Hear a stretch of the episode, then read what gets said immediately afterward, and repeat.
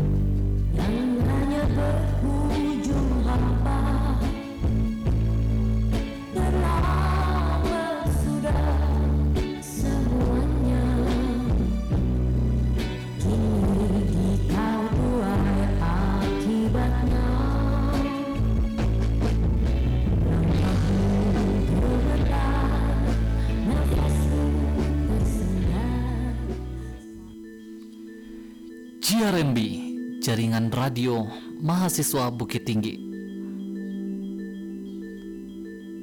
Kembali lagi bersama Habul di sini. Oke, sobat Fuad. Kita langsung ke topik kita hari ini ya. Yakni the best three movies in this week. Oke, karena tak sabar, Habul ingin berbagi ke teman-teman di mana pun berada tentang film horor. Langsung aja kita mulai dari film yang tentunya buat kita merinding, yakni film Pengabdi Setan. Telat banget ya, baru ngebahas Pengabdi Setan sekarang. biarin aja deh soalnya sayang rasanya kalau film Indonesia seepik ini nggak habul ulas. Dan jika dipikir lebih enak juga kalau telat begini. Habul jadi bisa bahas belak-belakan tentang filmnya dan nggak perlu takut ngasih bocoran. Setuju? Seperti yang udah teman-teman dan sobat Fuad saksikan sendiri Pengabdi Setan versi 2017 punya kisah berbeda dari Pengabdi Setan versi orisinil 1980 Kali ini kisahnya tentang sebuah keluarga bahagia yang gak lagi bahagia karena carut marutnya kondisi ekonomi. Setelah sang ibu Ayu Laksmi yang seorang penyanyi kondang meninggal dunia akibat jatuh sakit selama tiga tahun belakangan. Gak hanya meninggalkan duka, kematian sang ibu ternyata menyisakan misteri yang terus menghantui dan mengganggu keluarga tersebut. Secara perlahan, Misteri yang menyelimuti kematian sang ibu pun terungkap dan menjawab arti di balik judul film ini.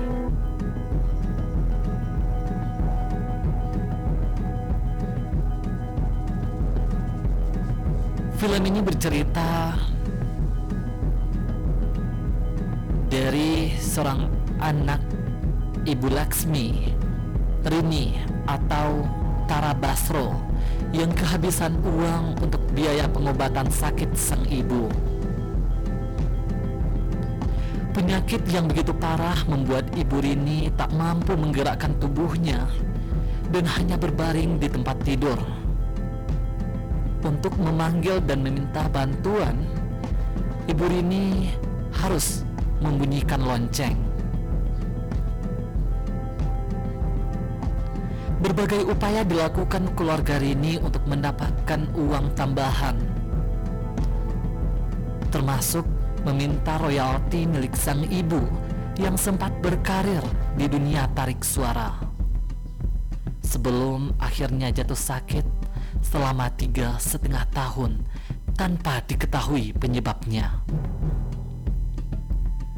Anak kedua keluarga itu Tony atau Andy Arfian rela menjual sepeda motor dan barang pribadi demi menolong keluarganya. Sang ayah, Bron Palare, harus berhemat dan sesekali bekerja keluar kota karena harus tetap membiayai keempat anaknya.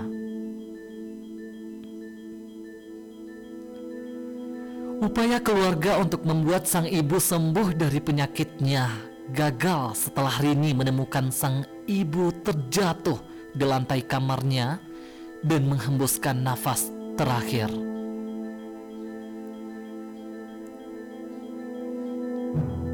Kematian sang ibu ternyata jadi awal dari teror di rumah keluarga Rini.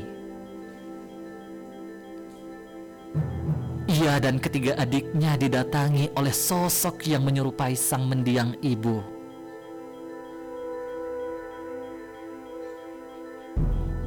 Situasi ini diperparah dengan kondisi ayah yang harus meninggalkan mereka untuk bekerja di luar kota.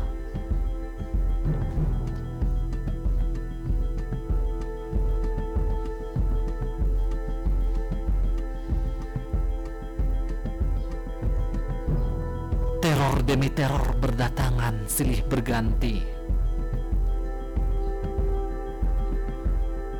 untuk mengungkap misteri rentetan kejadian mencekam itu. Rini bahkan harus meminta bantuan ke seorang ustadz, Ars Wendy Nasution, dan putranya Hendra Dimas Aditya. Tak hanya itu, Rini juga meminta bantuan seorang paranormal sekaligus kawan neneknya bernama Budiman Sailendra atau Egi Fedli yang tinggal di kota.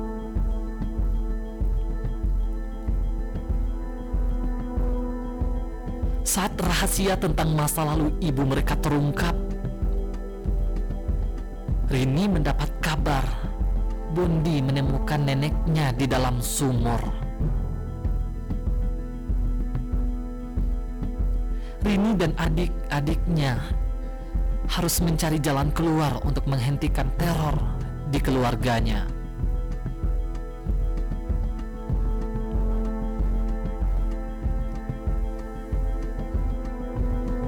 Jadi teman-teman, Pengabdi Setan merupakan film horor Indonesia yang ditulis dan disutradarai oleh Joko Anwar. Film ini merupakan remake dari film berjudul sama pada tahun 1980 silam.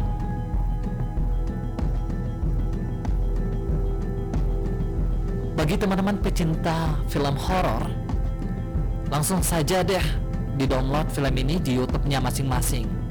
Karena film ini tak hanya di Indonesia, namun juga ditayangkan di berbagai negara seperti Malaysia, Singapura, dan Amerika Serikat.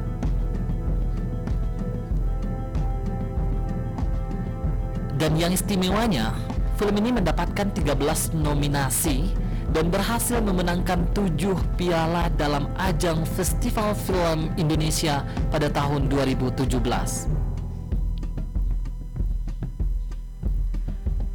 Jadi kesimpulannya, Pengabdi Setan adalah film horor yang wajib banget teman-teman tonton yang mana secara keseluruhan film ini mampu menghibur teman-teman yang gak suka film horor sekalipun. Dan film ini juga sayang banget buat dilewatin. Soalnya di Pengabdi Setan teman-teman bakal ngelihat bagaimana kerennya pemain-pemain yang tentunya ceritanya bakal buat kita merinding. Oke teman-teman, itulah film review pertama dari kami JRMB. Selanjutnya silahkan menikmati lagu yang akan diputar oleh teman kami Kak Fauzi. Selamat mendengarkan.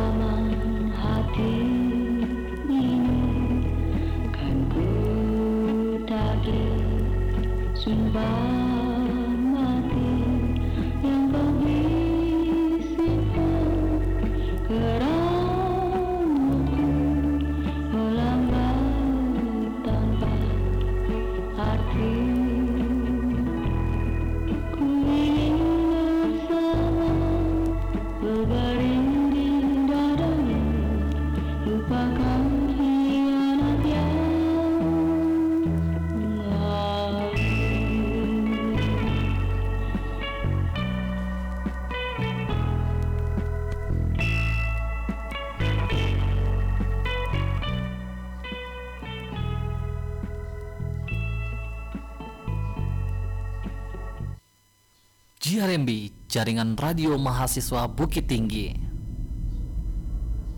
Oke, kita lanjut ke film kedua, yaitu Perempuan Tanah Jahanam.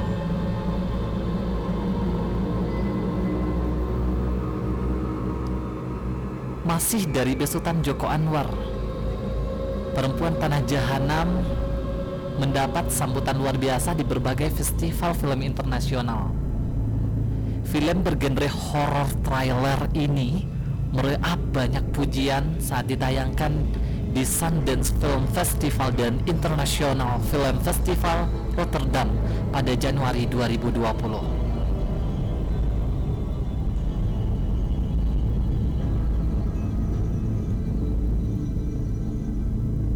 Perempuan Tanah Jahanam menceritakan kisah perjuangan hidup Maya dan Dini, dua orang sahabat yang bertahan hidup di kota sebagai petugas gerbang tol.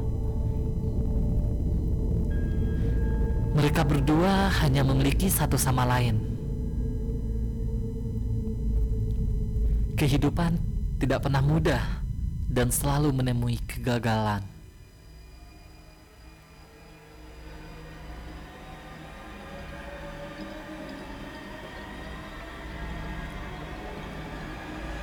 Insiden penyerangan yang dialami Maya saat bekerja di gerbang tol ternyata membawanya ke babak baru kehidupannya.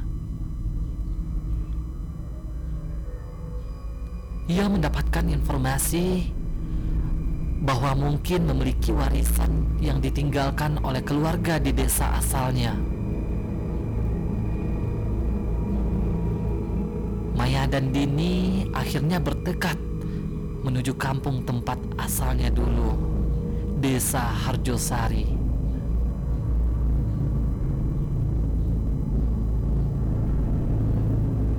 Namun begitu sampai di sana, Maya dan Dini hanya menemukan sebuah rumah besar yang kosong dan nampak menyeramkan.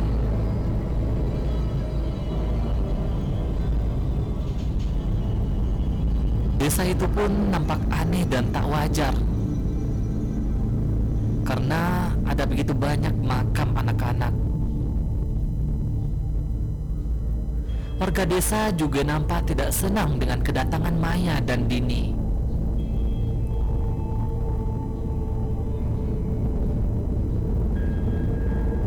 Hingga pada suatu hari ketika Maya hendak mencari makan, Dini didatangi oleh dua warga suruhan Kisap tadi, kepala desa sekaligus dalang terkenal di desa itu.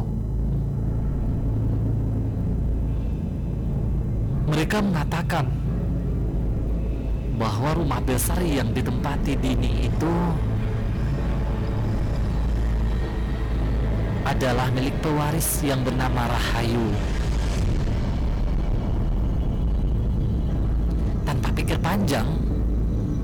Pun mengaku sebagai Rahayu.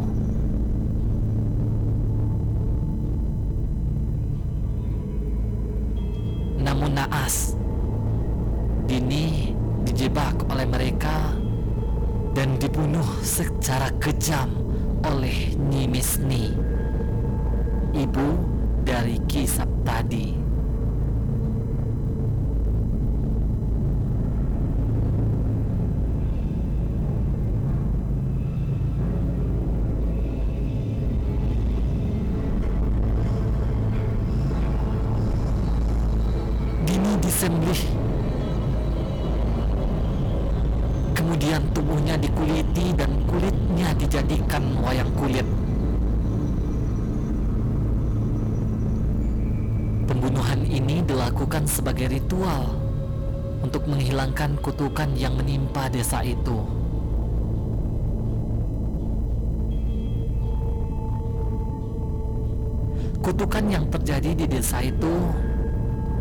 dijelaskan oleh Ratih, pemilik rumah makan yang nampak baik serta menerima kedatangan tamu.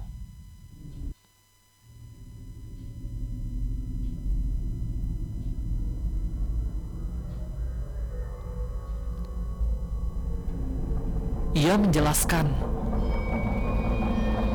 bahwa rumah tua yang didatangi Maya adalah milik Dono Wongso. Ia adalah seorang juragan dan juga dalang. Namun, anaknya dikutuk se sehingga ia lahir tanpa kulit. Untuk menyembuhkan anaknya ini, ia melakukan perjanjian dengan iblis agar anaknya yang lahir tanpa kulit bisa sembuh.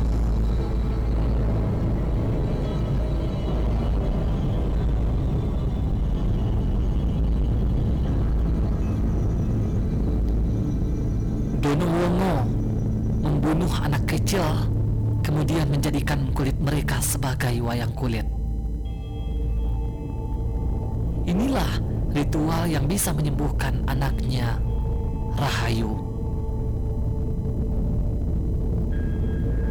Dan sejak itu, seluruh bayi yang lahir di desa Harjosari terlahir tanpa kulit.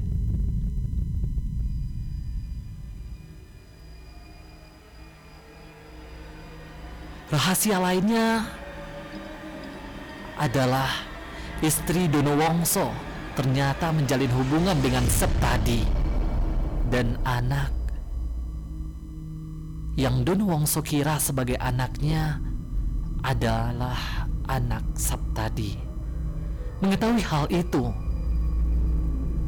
Maya yang sebenarnya adalah Rahayu merasa sangat marah.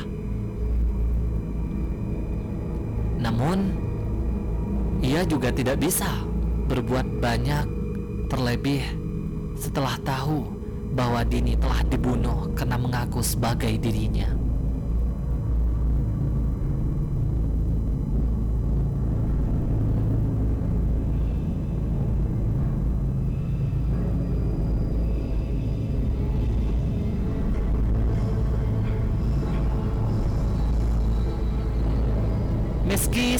Tertunda selama tujuh tahun, namun akhirnya film ini berhasil digarap dan tak tanggung-tanggung. Film ini diproduksi dengan kerjasama dari lima rumah produksi besar dari tiga negara. Adalah Rapi Film dan Logika Fantasi dari Indonesia, Best Entertainment dan Ivanhoe Picture dari Hollywood dan CG Entertainment Korea Selatan. Kerjasama antar negara ini ternyata berbuah manis. Hal ini karena keuntungan dari produksi film ini ditaksir mencapai 60 miliar rupiah. Wow, angka yang sangat fantastis ya. Oke, teman-teman, bagi yang suka dengan film seram sekaligus film kejam Silahkan di-download film ini di Youtube. Masing-masing. Oke kita break dulu ya. Setelah lagu yang satu ini Habul bakal kembali dengan review film Yang tak kalah menarik. Selamat mendengarkan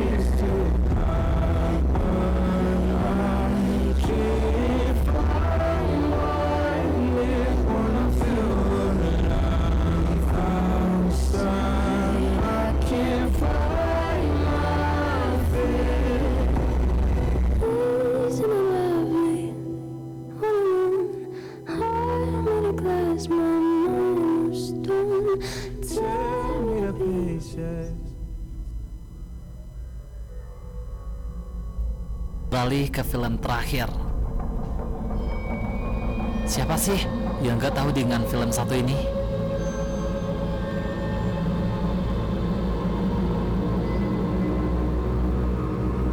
Munafik.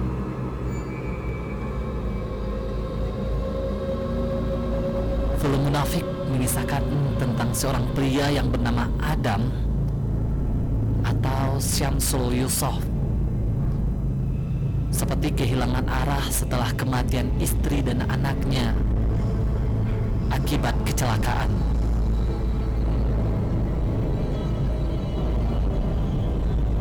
Setelah kepergian istrinya, Adam masih merasa bersedih, tenggelam dalam duka yang mendalam.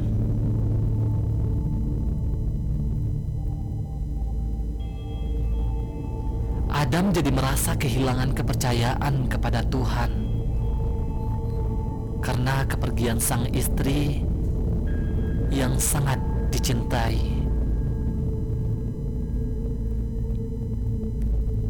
Ia pun jadi tidak bisa melakukan rutinitas kembali seperti biasanya.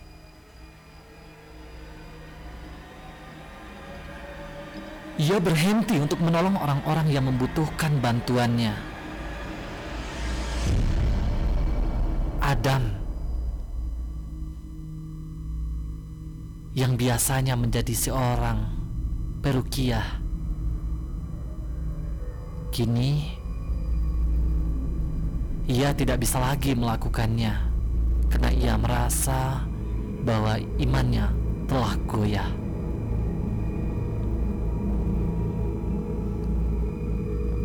Setelah sekian lama Adam menolak untuk membantu orang lain. Hingga pada suatu hari Adam diminta untuk membantu seorang warga yang menghadapi masalah gaib karena depresi.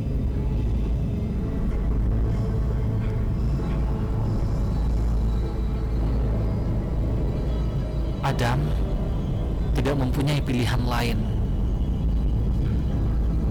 karena permintaan tersebut dari gurunya. Akhirnya Adam pun mau membantu dan datang menemui seorang perempuan yang bernama Maria. Atau dalam film kita kenal dengan Nabila Huda. Maria mengalami depresi berat yang membuatnya sering dirasuki setan dan membuatnya menjadi menderita. Kemudian Adam melakukan proses pengusiran roh gaib tersebut. Mereka juga meyakini bahwa penyebab gangguan kejiwaan yang dialami oleh Maria bukanlah karena depresi biasa semata.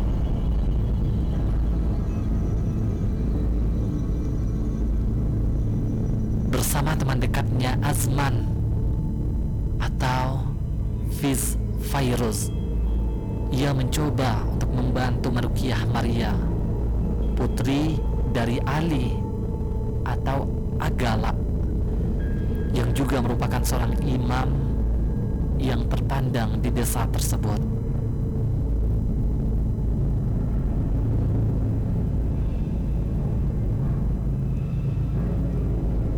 Proses penyembuhan Maria tidaklah mudah.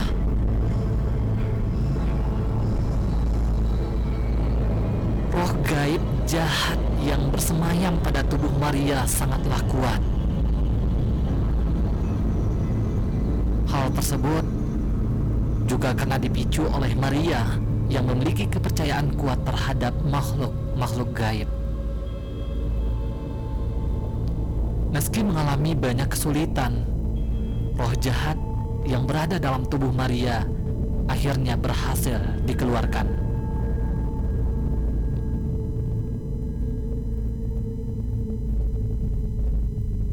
Pada saat ritual, Adam sangat terkejut karena ia menemukan sesuatu tentang adanya hubungan antara yang dialami oleh Maria dengan kecelakaan yang telah merenggut nyawa istri tercintanya.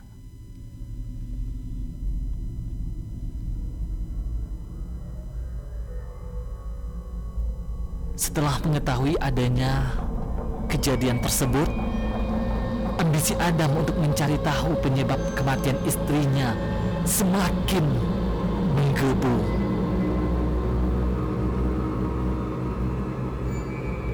Dan setelah Adam membantu Maria, tiba-tiba berbagai macam masalah mulai datang. Peristiwa aneh dan menyeramkan sering terjadi di sekitar rumah Adam.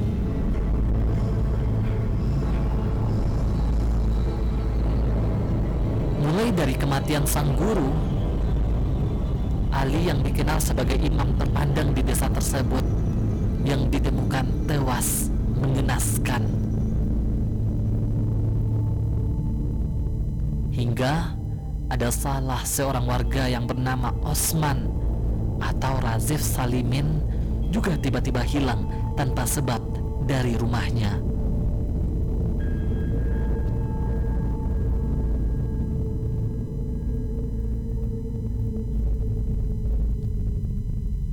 Keanehan demi keanehan yang sangat menyeramkan terus datang meneror Adam.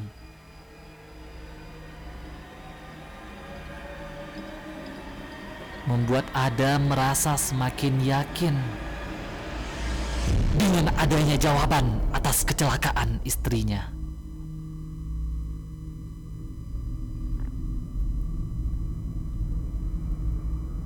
Dan Adam menuturkan kepada Azman, sahabatnya,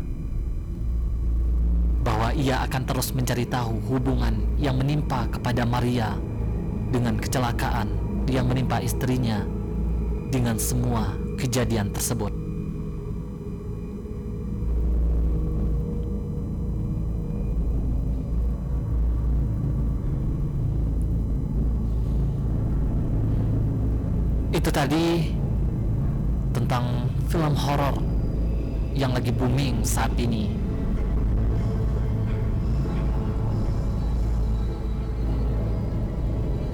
Fuad, mau tahu film lainnya yang kece dan hits banget? Tetap stay tune aja ya sama Habul di Radio Fuad Yayan Bukit Tinggi setiap hari Rabu. Oke, gak terasa ya, ternyata udah dua jam berlalu. Habul menemani sobat Fuad dan sekarang menunjukkan pukul 12 lewat 1 ini menandai Habul akan pamit dari ruang dengar Sobat Fuad. Terima kasih buat pendengar setia yang udah stay tune dari awal mulai tadi sampai berakhirnya film terakhir yang Habul bacakan. Dan sekarang waktunya Habul. Selaku penyiar pada hari Rabu ini mohon pamit tapi jangan khawatir, insya Allah di hari yang sama Habul akan tetap menemani siang sobat Fuad semua. Yang pastinya bakal menarik. Oke, Habul berserta teman-teman yang bertugas pada hari ini mohon undur diri dari Radio Fuad Yayen Bukit Tinggi. JRMB Jaringan Radio Mahasiswa Bukit Tinggi. Assalamualaikum warahmatullahi wabarakatuh